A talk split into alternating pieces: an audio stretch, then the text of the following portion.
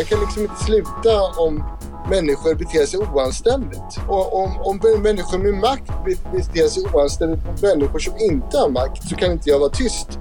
Och så har det ju varit hela tiden under, under de här åren. Det är så oanständigt, det är så orimligt det de gör ibland. När de liksom, till exempel när de ifrågasätter ett, att tandborstningen ska ta fyra minuter och istället säger att den får ta tre minuter. Det, det är så, alltså förstår ni, jag, måste, jag blir så fruktansvärt arg av det. Hallå, hej! Välkomna till podden Hur tänkte ni nu? Det här är Janna. Hej, hej! Carro här som vanligt. Ja, hörru du, mitt i denna fina värme och regeringskris och annat, då så har jag funderat på en sak. Mm. Och det är att du är ganska jobbig, tycker jag. Ja, jo, alltså jag har ju ett alter ego som heter Lite bitch i rullstol, så det har ju inte uppkommit av sig själv, tänker jag. Men Nej, precis. Det är ju intressant också att min, en av mina favoritkollegor på jobbet är asjobbig också. Och hon heter Janna. Eller hur? Du och jag är ganska jobbiga. Om inte annat så är vi det ihop mot andra. Ja. Och det här med att vara jobbig, det är ju eh, någonting som finns i betraktarens öga kan man säga egentligen. Mm. Eller är det någonting som man själv skapar? Man kan väl ja. undra? Ja, man kan ju undra det. Det här är ju i alla fall, det här avsnittet är det jobbiga avsnittet, hörni, lyssnarna. Välkomna till det. Välkomna till vårt jobbiga avsnitt i Hur tänkte ni nu? Ja, men alltså, det, det, finns ju en fråga där man kanske upplevs som extra jobbig och som är ganska jobbig, upplever vi. vi just nu också i sakfrågan och det är ju personlig assistans. Mm. Den är dels eh, jobbig för oss att eh, arbeta med men den är också jobbig att eh, mötas av men också jobbig. Man behöver vara jobbig som person för att nå fram överhuvudtaget mm. när det gäller den mm. frågan just nu. Mm. Och det är också jobbigt att eh, bara inte använda assistans och ändå försöka förstå. Och, eh, alltså det, det är en stor och komplex fråga. Två stycken som är bra på det där och som är skitjobbiga i den frågan, det är Jonas Franksson som är i, eh, ordförande i STIL och Anna Holmbom som är expert på assistansfrågor. Välkomna till podden Hur tänkte ni nu? Tack! Tackar! Ja, men alltså, när, vi, eller när jag hörde av mig till er och frågade om ni ville vara med i en podd om jobbiga människor, då blev ju ni jätteglada. Vill ni vara jobbiga? Det är en av de finaste utnämningar man kan få tycker jag. Faktiskt. Jag håller med. Jobbig är bra. Jobbig ska man vara. Varför då? Eller, jag, jag ångrar mig. Egentligen kan man väl säga så här.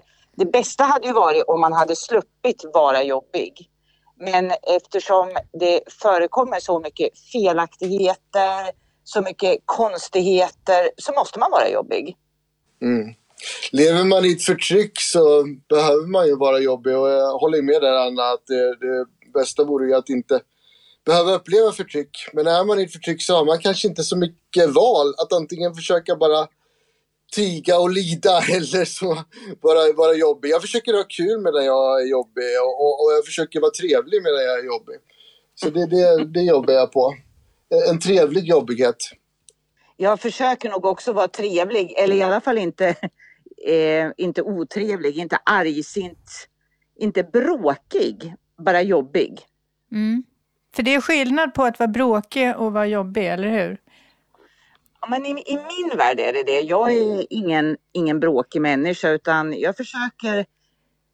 Eller så här, jag, vet, jag läser på och jag vet eh, vad som är rätt. Och när någon då gör fel, då behöver man inte vara bråkig. Utan man behöver bara tala om för dem att de har fel. Och så visar man varför de har fel.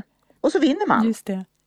Och det är det som är det jobbiga? Ja! Jag har fördelen också att eh, tidigt få jobba med journalistik och där var det ju ett eh, där är det ju ett ideal eh, att vara eh, jobbig, att vara obekväm, att vara den jobbiga i rummet och, och ställa obekväma frågor och, och så. Det, det har jag också haft en väldig fördel av när jag jobbat funktionshinder politiskt.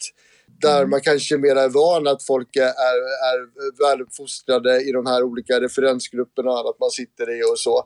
Eh, och kanske inte heller är så van vid att man gör den typen av research som man lär sig göra som journalist. Att liksom titta på vad, vad, vad är det egentligen det här handlar om. Och det, det är ju någonting som alltid är jobbigt med folk som gör sin läxa och gjort research.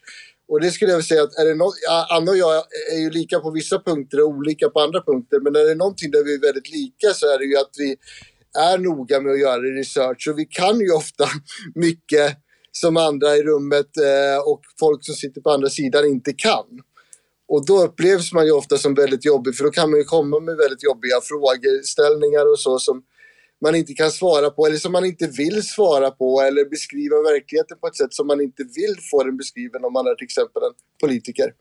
Men ni är ju säkert inte bara jobbiga av naturen, utan det finns ju säkert något, något startskott för er jobbighet, kanske man kan säga.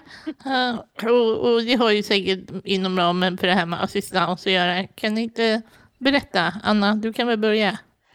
Alltså, eh, ja men jag har nog alltid varit jobbig. Eh, och ett, ett ganska starkt minne, det var när jag bodde i min tidigare kommun, Bromölla. Och mina barn började skolan, då fick de åka skolskjuts. Eh, tills kommunen plötsligt bestämde sig för att de inte skulle få åka skolskjuts längre. Det var nämligen 200 meter för kort väg för att de skulle få åka skolskjuts.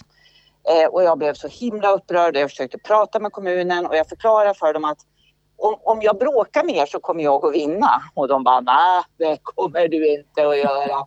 Och så sökte jag rätt på en massa dokument som de hade. De hade bland annat en utredning som visade att det var ingen säker skolväg till skolan att gå. Och den utredningen plockade jag såklart fram och sen så vann jag. Och då tyckte de att jag var jättejobbig kan jag säga. Mm. Hur är det med dig då Jonas? Var, har du något?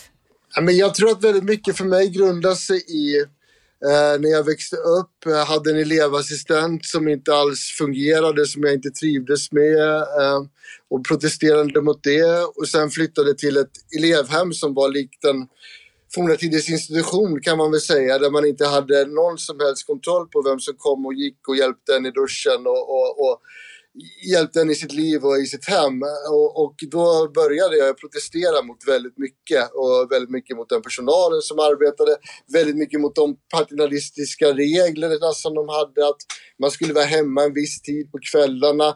Jag minns att vi hade sittstrejker då i, i i olika lägenheter, för vi fick inte vara i varandras lägenheter efter en viss tid och så vidare. Och så.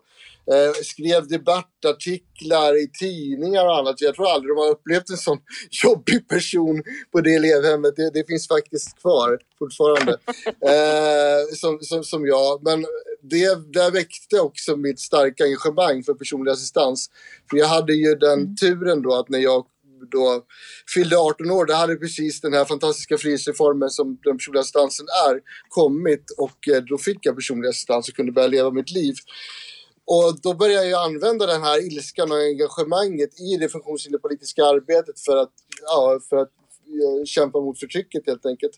Och jag kom på en annan sak, en av de första sakerna jag gjorde då när jag arbetade var att jag började jobba liksom kring demokratifrågor och då hade just Bengt Göransson som precis nu har avlidit. Han hade kommit med en ny demokratiutredning och eh, ni känner kanske till Bengt Göransson. Han har ju väldigt hög status i de socialdemokratiska leden och, och, man skulle behandla honom med respekt och så. Och jag läste den här demokratiutredningen och såg att det finns ju inget funktionshinderpolitiskt perspektiv här överhuvudtaget. Man har helt glömt bort det, eh, liksom 10 procent av Sveriges befolkning här. Så att eh, vi hade ett seminarium och, och, och, och, jag skällde ut honom efter noter och han sa att det finns ingen rörelse som är så gnällig som funktionshinderrörelsen. Och jag sa, med tanke på att vi är så förtryckta så ska du vara väldigt glad att vi bara gnäller och inte gör annat. och, och, då minns jag att det blev en bra. ganska jobbig stämning i rummet. Därför att Bengt Göransson mm. är en sån där fin politiker, bra politiker, schyssta värderingar som man ska behandla med respekt och, och liksom, man ska inte skapa den här obehagliga stämningen för honom. Han var ju äldre redan då, på den tiden. Även om det här mm. var över 20 år sedan. Så att då minns jag att man, man tittar, ja, men vad, vad, är det här för person som, som har kommit in i det här rummet nu liksom. Och eh, jag tyckte att det var en bra start och sen har jag for, försökt fortsatt på den linjen. Är det en framgångsrik väg att vara jobbig? För att nå det man vill nå? Ja, men det beror på, eh, tror jag. Men jag känner ju en massa andra jobbiga människor också. En av de eh, mest jobbiga det fanns med som, hon heter Malin, hon jobbar för Barnombudsmannen eh, i den första LSS-utredningen. Och hon satt och räckte upp handen på varje möte. Så fort, det, så fort någon nämnde ordet barn så räckte hon upp handen och så pratade hon om barnets rättigheter. Och det var ett av de absolut mest framgångsrika jobbigheter jag har varit med om. Det gick jättebra för, för eh, just alltså, barnperspektivet lyftes fram väldigt starkt där. Jag, jag tror på jobbighet som eh, verktyg. Jag tror också att det är väldigt bra att det är också jobbigt det här att man aldrig ger sig. Och det är väl jag och Anna lite lika också att vi, vi ger oss inte förrän vi, vi, vi når dit vi tycker att vi ska. Och någonstans när, när jag började jobba med de här frågorna eh, då, eh, med personlig assistans mera direkt så, så var ju det för över tio år sedan när den här första inskränkningen av den personliga assistansen kom med den här första regeringsrättsdomen. Och då lovade jag mig själv att jag, jag, jag ska jobba med det här tills den här domen eh, försvinner helt enkelt. Och sen dess har det kommit många andra domar på vägen som vi faktiskt gemensamt i funkisrörelsen har arbetat bort. Men just den här första domen finns kvar och därför är jag kvar. och det kanske, kom, det kanske kommer att bli så. Det, förhoppningsvis inte att jag behöver ägna resten av mitt liv åt, åt, åt detta. Men, men jag, jag, kommer ju vara kvar så länge det, det behövs. Men jag tänker för att fr frågan om assistans kräver ju ändå ganska mycket kunskap. Jag använder ju ofta er som mina äh, mina referensramar och äh, lexikon när det gäller personlig assistans. Men varför är det så svårt för andra att ta till sig den här kunskapen? För det, det ni säger är ju i sig inte särskilt jobbiga saker ju, egentligen. Jag vet inte det. Jag hade ju så mycket, alltså eftersom jag är så extremt gammal så var jag ju med redan när LSS trädde i kraft och höll på redan då. Och jag var så säker på den tiden att jag väldigt snart skulle bli arbetslös därför att det skulle komma så många personer som var assistansberättigade som skulle vilja läsa in sig och, och, och liksom få jobb inom det här och skapa, eh, ja, alltså jag trodde det skulle komma många fler. Men jag tror att man har lyckats att göra regelverket så extremt krångligt att det är jättesvårt att känna att man kan engagera sig för, för just det här att man måste kunna så mycket. Men, men jag tror att man måste, vi måste hitta fler som läser in sig och som blir kunniga och kan vara bråkiga på det sättet eller besvärliga, jobbiga.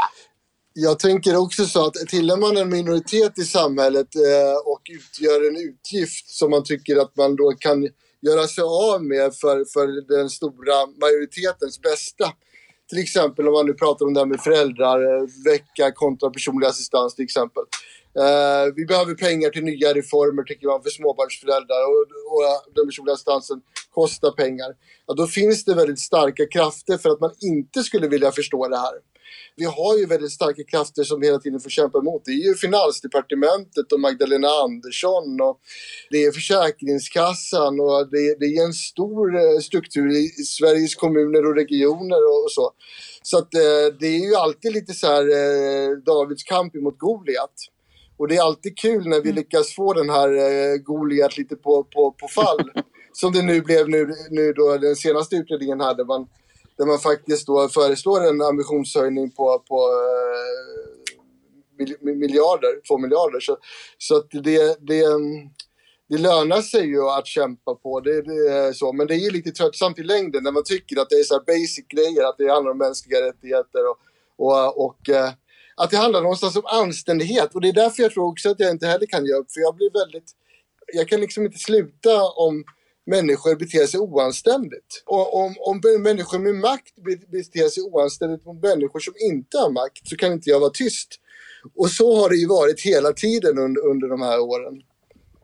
Jag är ju inte jurist, men jag hjälper ju en del människor eh, att överklaga sina beslut. Och jag märker, när du sa det här med anständigt och oanständigt, att jag, jag måste liksom hålla i mig för att inte använda de här orden i varenda överklagan. För, för det är ändå så jag upplever det ganska ofta.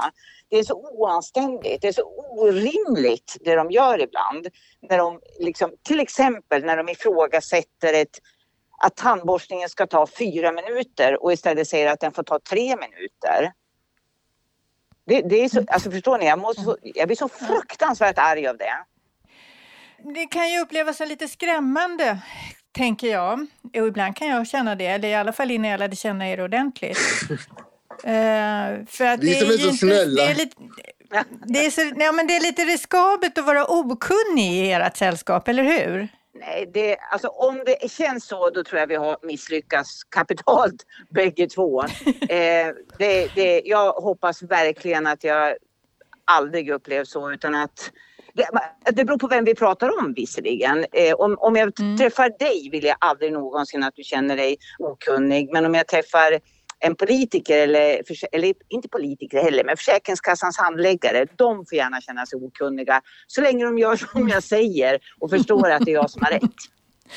Mm. Jag, mm. jag, jag, är en stor anhängare av public service och, och, och, just det här uh, folkbildande inslaget och så.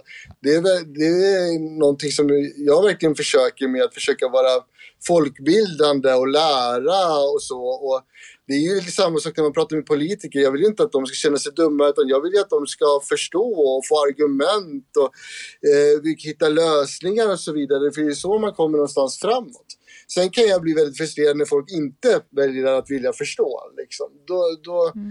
eh, för det också, kan ju också vara en strategi att man gör sig dummare än vad man är. Och ofta när man skriver sådana här direktiv till utredningar så skriver man dumheter som, som man egentligen inte borde skriva i sådana direktiv om man om man, om man läste på och då blir man ju frustrerad och arg. Men, men jag tänker mera att jag hoppas att vi kan ha liksom en, en, en, en, liksom en en folkbildande funktion. Jag tror också på det och jag tror att till exempel DHR har en väldigt viktig funktion att föra vidare. För, för 94, när, eller 93 till och med, då fanns det bra utbildningar om LSS, grundutbildningar som bland annat DHR var ute och höll runt om i landet. Och jag tror att det är nödvändigt att gå tillbaka till det.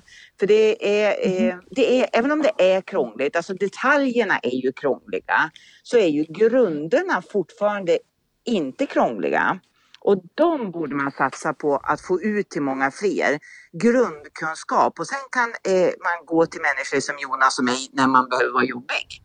Alltså, jag, jag tycker att det här är så oerhört spännande för det, jag tror att till en viss nivå när det handlar om personlig assistans så tror jag att man, man kan förstå. Men sen när man kommer till en viss detaljnivå så tror jag att man, man tappar förståelsen när det kommer till väldigt praktiska delar av den personliga assistansen som är extremt erfarenhetsbaserad. Och, och har man inte den erfarenheten själv så måste det finnas tillit till den erfarenhet som vi har här, till exempel vi i det här rummet. Och att den erfarenheten är sann. Och där är vi ju inte riktigt ännu. Ja, ni är ju väldigt, väldigt trevliga och fina människor, tycker jag, som jobbiga ni är. Och det var jättekul att vi fick prata mer om det här. Spännande samtal tycker jag det blev, eller hur Karo? Ja, det, jag, som sagt, jag tycker ju alltid att det är härligt att samarbeta med Anna och Jonas och det är ju för att de ligger i linje med vår jobbighet, tror jag. Uh, och jag hoppas att efter corona och efter regeringskris att vi kan få fortsätta vara jobbiga ihop för att vi behöver det känner jag. Jag, jag, och, Janna, mm. eller jag och Anna har pratat lite grann via mejl här under, under våren men vi känner väl nog allihopa att vi, något mer behöver göras när det kommer till assistansen så vi kommer behöva mm. vara jobbiga igen. Ja, men tack så hemskt mycket. Jonas Franksson, ordförande för STIL och Anna Holmbom, expert i att vara jobbiga. ha det gott, hej då, trevlig sommar. Tack så jättemycket för att vi, vi fick vara med. Tack så mycket. Hej. Tack, hej. Ja du Karo. Ja. Det är skönt att, att, ha lite kompisar i jobbigheten, eller hur? Ja, precis. Och, och speciellt eh, också eh, människor som är jobbiga men de är ju också otroligt smarta och kunniga inom sitt fält. Eh, vilket gör att eh, Eh, de, de behövs och vi hoppas ju att vi ska inspirera andra, eller hur? Till att vara jobbiga. För att vi behöver vara fler som Man är jobbiga jobbig. på det här bra sättet. På ett bra vis, på ett artigt vis, på en, eh, ja, på en trevlig nivå. Men man ska, man ska hålla fast när man vet att man har rätt. Mm. Det är det som är det jobbiga, tror jag. Ska vi, vi, vi kommer ju ta en liten paus i våran jobbighet här nu för vi behöver vila och ha lite sommarlov. Men vi Och tänkte lite- träffa lite mer jobbiga människor när sommaren är slut, tänker vi nog. va? Mm. Vi eh, samlar på dem och eh, vi behöver också hitta stark energi så vi kan vara lite mer jobbiga framöver. Precis. Ha det gott och ha en trevlig sommar alla människor så hörs vi snart igen. Trevlig sommar allihopa. Ha det gott. Hej!